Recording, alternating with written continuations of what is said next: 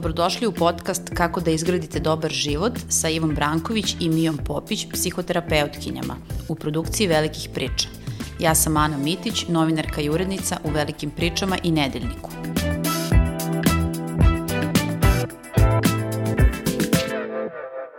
Ljudi će često u svakodnevnom govoru reći žao mi je zbog toga što ti se dešava. Kada neko nekome ispriča neki problem koji ima ili ako je tužan, nešto kroz šta prolazi. Međutim, to žao mi je zbog toga što ti se dešava, zaista je pitanje koliko njih stvarno misli da mu je žao kada to kaže i kako se osjeća dok to izgovara. Jer ta rečenica žao mi je može da ode utisak empatije, ali zapravo predstavlja simpatiju, a za razliku od empatije koja povezuje ljude, simpatija ih razdvaja. Mi smo o empatiji mnogo pričali u maju ove godine kada su nam se desile dve velike tragedije. A šta je sa ostalim danima? Koliko smo empatični i zašto je važna empatija i da ne osuđujemo druge? E, tema je ove epizode e, podcasta u kojoj razgovaram sa Mijom Popić, psihoterapeutkinjom i odmah ću je pitati šta empatija jeste, a šta empatija nije i u čemu je razlika između empatije i toga kad nekoga sažaljevamo ili mm -hmm. imamo simpatiju koju mm. sam spomenula. Pa da, ti si to divno već i rekla u uvodu. Simpatija je zapravo uh, razdvajanje gde ja kada kažem mnogo mi je žao što ti se to dešava, nekako kao da između redova postoji ta rečenica, a drago mi je što se meni nije desilo. I e, simpatija zapravo jeste i neka vrsta sažaljenja, a empatija suprotno tome je povezanost kroz razumevanje da to kroz što ti prolaziš nije nešto e, od, od, prosto na što sam ja imun i meni se ne dešava. E sad, um, Ja sam uh, dosta puta radila eksperiment sa svojim kolegama uh, psiholozima. Taj eksperiment inače često radim sa raznim ciljnim grupama gde ih pitam da mi daju jednu reč koju najfrekventnije koriste u svom poslovnom jeziku i onda ih pitam da popišu sve sinonime koje mogu da vežu za tu reč i onda u grupi da izbroje koliko imaju identičnih reči. Pa recimo ako pitam programere, oni kažu bug, ako pitam neke ljude iz eh, biznisa, kažu mi rok ili izveštaj, a mi psiholozi često pričamo o empatiji. Ono što je međutim iznenađujuće je da čak i između nas ne postoji baš uvek jasno slaganje, tako da ne izbrojimo mi puno istih sinonima, zato što o empatiji zapravo možemo da govorimo kroz više nekih slojeva. Pa prva na koju ćemo često da najdemo i na društvenim mrežama je ta čuvena definicija, to je sposobnost da vidiš um, stvari iz tuđih cipela. I to je zapravo kognitivna empatija. To znači da ti možeš da imaš kapacitet da se staviš u e, prosto perspektivu druge osobe i da pogledaš neki fenomen njenim očima. Ali to je samo jedan aspekt, kognitivna empatija, a emotivna empatija je ona gde smo mi u kapacitetu da se povežemo sa osjećanjima druge osobe, ali ono što je meni zapravo iznenađujuće je da tek od skoro se mnogo više govori o empatiji kao kapacitetu da se prvo povežemo sa sobstvenim emotivnim iskustvima, da bi mogli da se povežemo sa iskustvima druge osobe. Što znači, i to nam zapravo daje odgovor na pitanje zašto empatije danas nema, zato što ljudi nisu emocionalno pismeni. Kako ja da empatišem sa tobom ako ja sama ne znam šta je tuga, šta je strah, šta je, ne znam, neka uh, briga, prosto ako nisam emocionalno pismena, ja ne mogu da imam emotivnu empatiju. Tako da eto, pravimo razliku između kognitivne i emotivne, um, ali empatija može da se nekako ispoljava i kroz razna ponašanja i verujem da ćemo i o tome malo pričati. Hoćemo, rekla si već da danas nema empatije. Zašto je manjak empatije? Koji su razlozi? Pa, e, zato što stvarno živimo u jednoj kulturi koja potencira da budemo neustrašivi, e, jaki, e, da nekako emocije gurnemo negde po strani i zato što prosto nismo emocionalno pismeni, to jest nismo učeni da čitamo sobstvena osjećanja, mi nemamo jezik putem koga ćemo da empatišemo. Drugim rečima, savremena kultura se mnogo više bavi time kakav mi utisak ostavljamo, kako upravljamo svojom impresijom, koliko smo uspešni, koliko smo postigli, stavlja se fokus na taj neki individualizam, a empatija je stvar e, nekako razmene, relacije, e, kolektivnog, a mi mnogo, ja bih rekla nekako smo više usmereni na ono što je individualno i usmereno na cilj. Mm -hmm. Kako se ponaša neko ko nema empatiju? Pa najjednostavnije rečeno to je narcističko ponašanje. Znači ono što je suprotno empatiji, to je zapravo narcizam, a to je centriranost na sobstvenu perspektivu. Možda je najbolje da ti to dam kroz jedan primer koji um, čak i za nas koji smatramo da smo empatični je dosta bio škakljiv u pandemijskom periodu. Kognitivna empatija je po definiciji e, mogućnost da svoju perspektivu vidiš kao jednu od mnogih istina. Znači ne kao jednu jedinu. Što znači da recimo u pandemijskom e, periodu e, možemo da imamo dve osobe gde jedna kaže COVID postoji, a druga kaže COVID je teorija zavere. Jedna kaže treba da se vakcinišemo, E, druga kaže neću da me čipuju. I sad kako te dve osobe da vide svoju perspektivu kao samo jednu moguću, jednu od mogućih brojnih istina.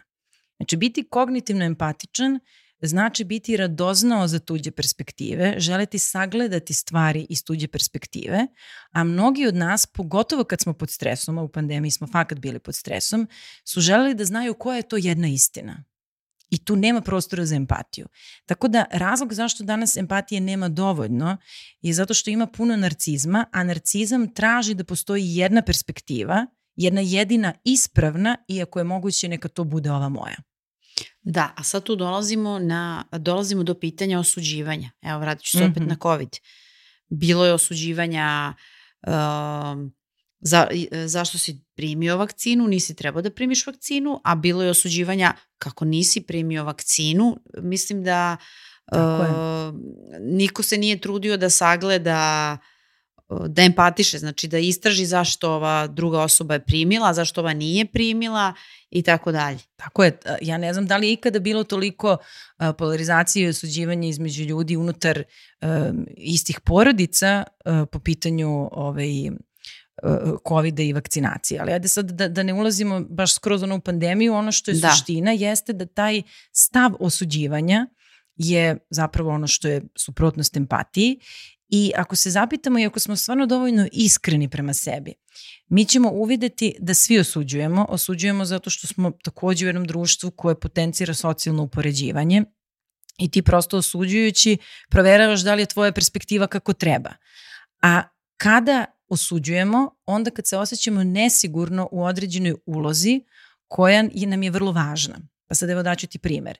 E, ja kada sam postala ono novopečena majka pre 8 godina, naravno bila sam vrlo nesigurna u toj ulozi i bilo mi je potrebno da pronađem neke dokaze da ja stvari radim kako treba. I sećam se ovaj, da sam tad viđala majke koje su imale stariju decu i njihova deca za ručkom ono, standardno gledaju tablet, dok majke ono nešto rade na, preko, na telefonu. I ja sam tad pomislila, bože, kako one nemaju pojma, ja ću to sve drugačije i mnogo bolje. Znači, fakat sam ih osuđivala. Zašto? Zato što u tom trenutku je meni potrebno da ja za sebe mislim da sam dobra majka. Mhm. Dakle, mi osuđujemo druge po pitanju onih stvari koje visoko vrednujemo i koje su nam lično važne, tako da osuđujući druge dolazimo do zaključka da smo mi super. Moja mate 4-5 godina kasnije naravno imala svoj tablet i ja sam radila iste stvari, tad sam spoznala odakle je išlo to moje osuđivanje. Tako da, da mislim da ono što kroz ovaj podcast možemo danas malo ljude da podstaknemo je da razumeju da empatija je praktikovanje e, tolerancije, razumevanje različitosti i stalno večito preispitivanje kada osuđujemo, a sigurno ćemo to da radimo ponekad, e, da se preispitamo šta možemo da saznamo o sebi. Na što je ono što je Jung lepo rekao, sve što nas iritira kod drugih nas dovodi u kontakt sa nama samima. Tako da ako osuđuješ, verovatno osuđuješ po pitanju nečega što je tebi lično vrlo važno. Mm -hmm, znači to treba da se zapitamo sledeći put uh, kada osuđujemo. Uh, da li hoćeš da kažeš da mi osuđujemo drugi ljudi zato što su nam to i izgovori za neke naše postupke, da bi se i mi osjećali bolje? Da, ja mislim da je to tu vrlo jednostavno. Mi osuđujemo druge da bi se bolje osjećali u svojoj koži. To često radimo onda kada smo nesigurni ili kada uh, nekako Mislim, ovo će možda zvučiti malo neobično, ali kada želimo da izaberemo svoj identitet, znaš, kao, ja nisam kao ti, ja sam neko drugi. I onda osuđujući, ti kao da si nastojao time da ustanoviš ko si ti, koje su tvoje vrednosti, kakav si ti čovek, jer čim postoji neko ko je gori od tebe, ti onda znaš ko si. Da, ali vrlo često baš to što osuđujemo je nešto što mi prepoznajemo da kod nas škripi. Tako Kako je. onda to kao ti si takav, ja nisam kao ti, u stvari to nešto Absolutno. sam ja video kod tebe što što vidim i kod sebe. Tako je, tako je. Često osuđujemo i uh, iz nekog ogledala, jel? Kao gledamo druge ljude i tu vidimo nešto sa čim nismo ok, to je značajna informacija koju možemo da, da imamo o sebi. Da, u stvari šta nam to osuđivanje drugi govori o nama? Tako je, to je ključno pitanje. Da, da. Govori ti da te nešto žulja, negde si nesiguran i verovatno to ima veze sa temom oko koje osuđuješ. Mhm, mm mhm. Mm A kako se savladava taj poriv? Zašto ne treba da osuđujemo drugi ljude i ok, osuđujemo, Da. mislim niko ne može da, da ono kao 100% se toga ovaj, oslobodi, ali kako se vladati negde taj poriv, ono svesti ga na neku manju meru?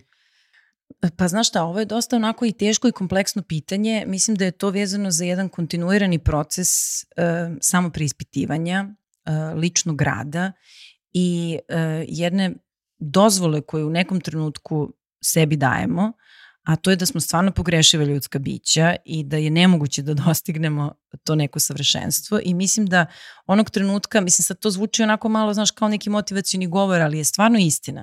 Onog trenutka kada mi naučimo da budemo nežni prema sebi, da prihvatamo sebe čak i u nekim našim najgorim izdanjima, nama stvarno neće biti potrebni drugi da osuđujući njih se osjećamo bolje u svojoj koži. Tako da put do toga da manje osuđujemo druge je zapravo uh, put samo prihvatanja i te neke nežnosti prema sebi, jer mi obično izaberemo da osuđujemo druge da ne bi osuđivali sebe. Da, u stvari mi o, sami sa sobom osuđujemo sebe, ali Tako je. za... Onda to projektujemo u svet, mm -hmm, zato što je mhm. bolje da bude tamo negde nego da bude kod tebe.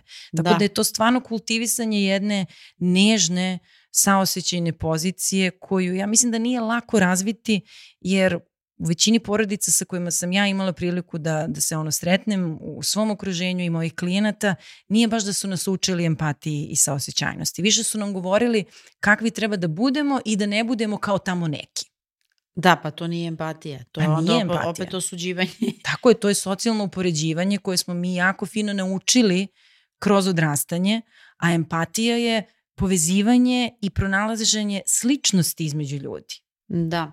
Zašto je u stvari važna empatija? Misli se da je važna za onoga prema kome je usmerena, a u stvari je mnogo važnija za nas same. Pa znaš šta, ja stvarno mislim da je ona lepak uh, odnosa, da je ona ono što ljude povezuje i da mi kroz empatiju učimo da budemo viđeni. Znaš, mnogi ljudi sa kojima imam priliku da radim e, psihoterapiju će mi često reći da su, ne znam, prošli ne znam koliko godina, već su u 20. ili 30. a da se osjećaju da ih nikada niko istinski nije video.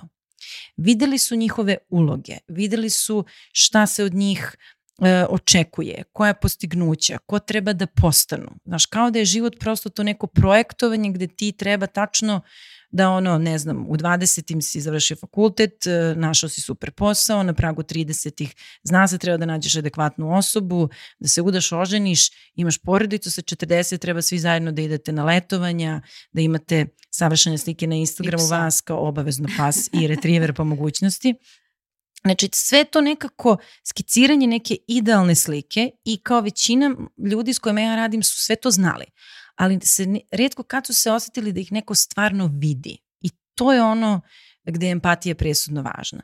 Da osetimo da nismo sami, da smo povezani, da nas neko prihvata i vidi i u našem najgorem izdanju, jer to je ono kroz što mi zapravo e, učimo kako da ostanemo i autentični i dosledni sebi i da nekako ne navlačimo te neke razne maske ovaj, sa kojima se krećemo kroz, kroz život.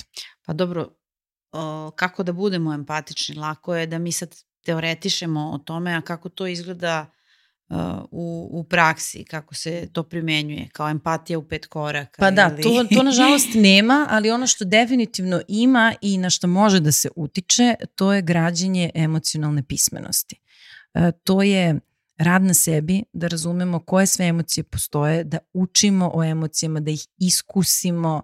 E, znaš, skoro sam videla jedan baš dobar e, citat, idete, ne znam, ono, tople kupke, meditacija, e, spiritualne prakse, ali kao kad ste zadnji put istinski osetili emociju. Znači, biti empatičan znači posvetiti se emocionalnoj pismenosti, dozvoliti sebi emocije, raditi na tome, bilo kroz psihoterapiju ili kroz građenje prisnih odnosa i tek onda možemo da pričamo o empatiji. Jer kako da empatišeš ako nemaš svest o sobstvenom unutrašnjem svetu? Da li može da se bude previše empatičan? Da, to je često pitanje. Um, zato što mnogi ljudi koji imaju pojačanu izraženu empatiju uh, često se osjećaju da su se nekako potrošili i za njih se često lepe oni emocionalni vampiri, ako to tako možemo da kažemo, i onda oni um, su skloni da kažu da ne znaju koje je to sad granice koju treba postaviti i prestati empatisati. E, ja mislim da empatije nikad nema previše. Ja mislim da pogotovo u ovom društvu, a pričali smo o tome da je zapravo nema dovoljno, mislim da e, zapravo je pitanje kako empatiju udružiti sa postavljanjem granica. Jer empatija bez postavljanja granica je često autodestrukcija. Zato što mi zapravo, kada empatišemo, mi koristimo svoje biće i, i svoj unutrašnji prostor da bi se sa nekim povezali. I ukoliko se desi, a često se desi, i to stvarno vidimo u praksi, da ljudi koji imaju pojačanu empatiju se nađu u odnosima koji nisu recipročni, nego oni empatišu, slušaju, ali nemaju doživlje preko, da je preko puta osoba koja je zapravo tu prisutna i takođe spremna da te čuje i vidi. Tada je mnogo bitno da pričamo o granicama.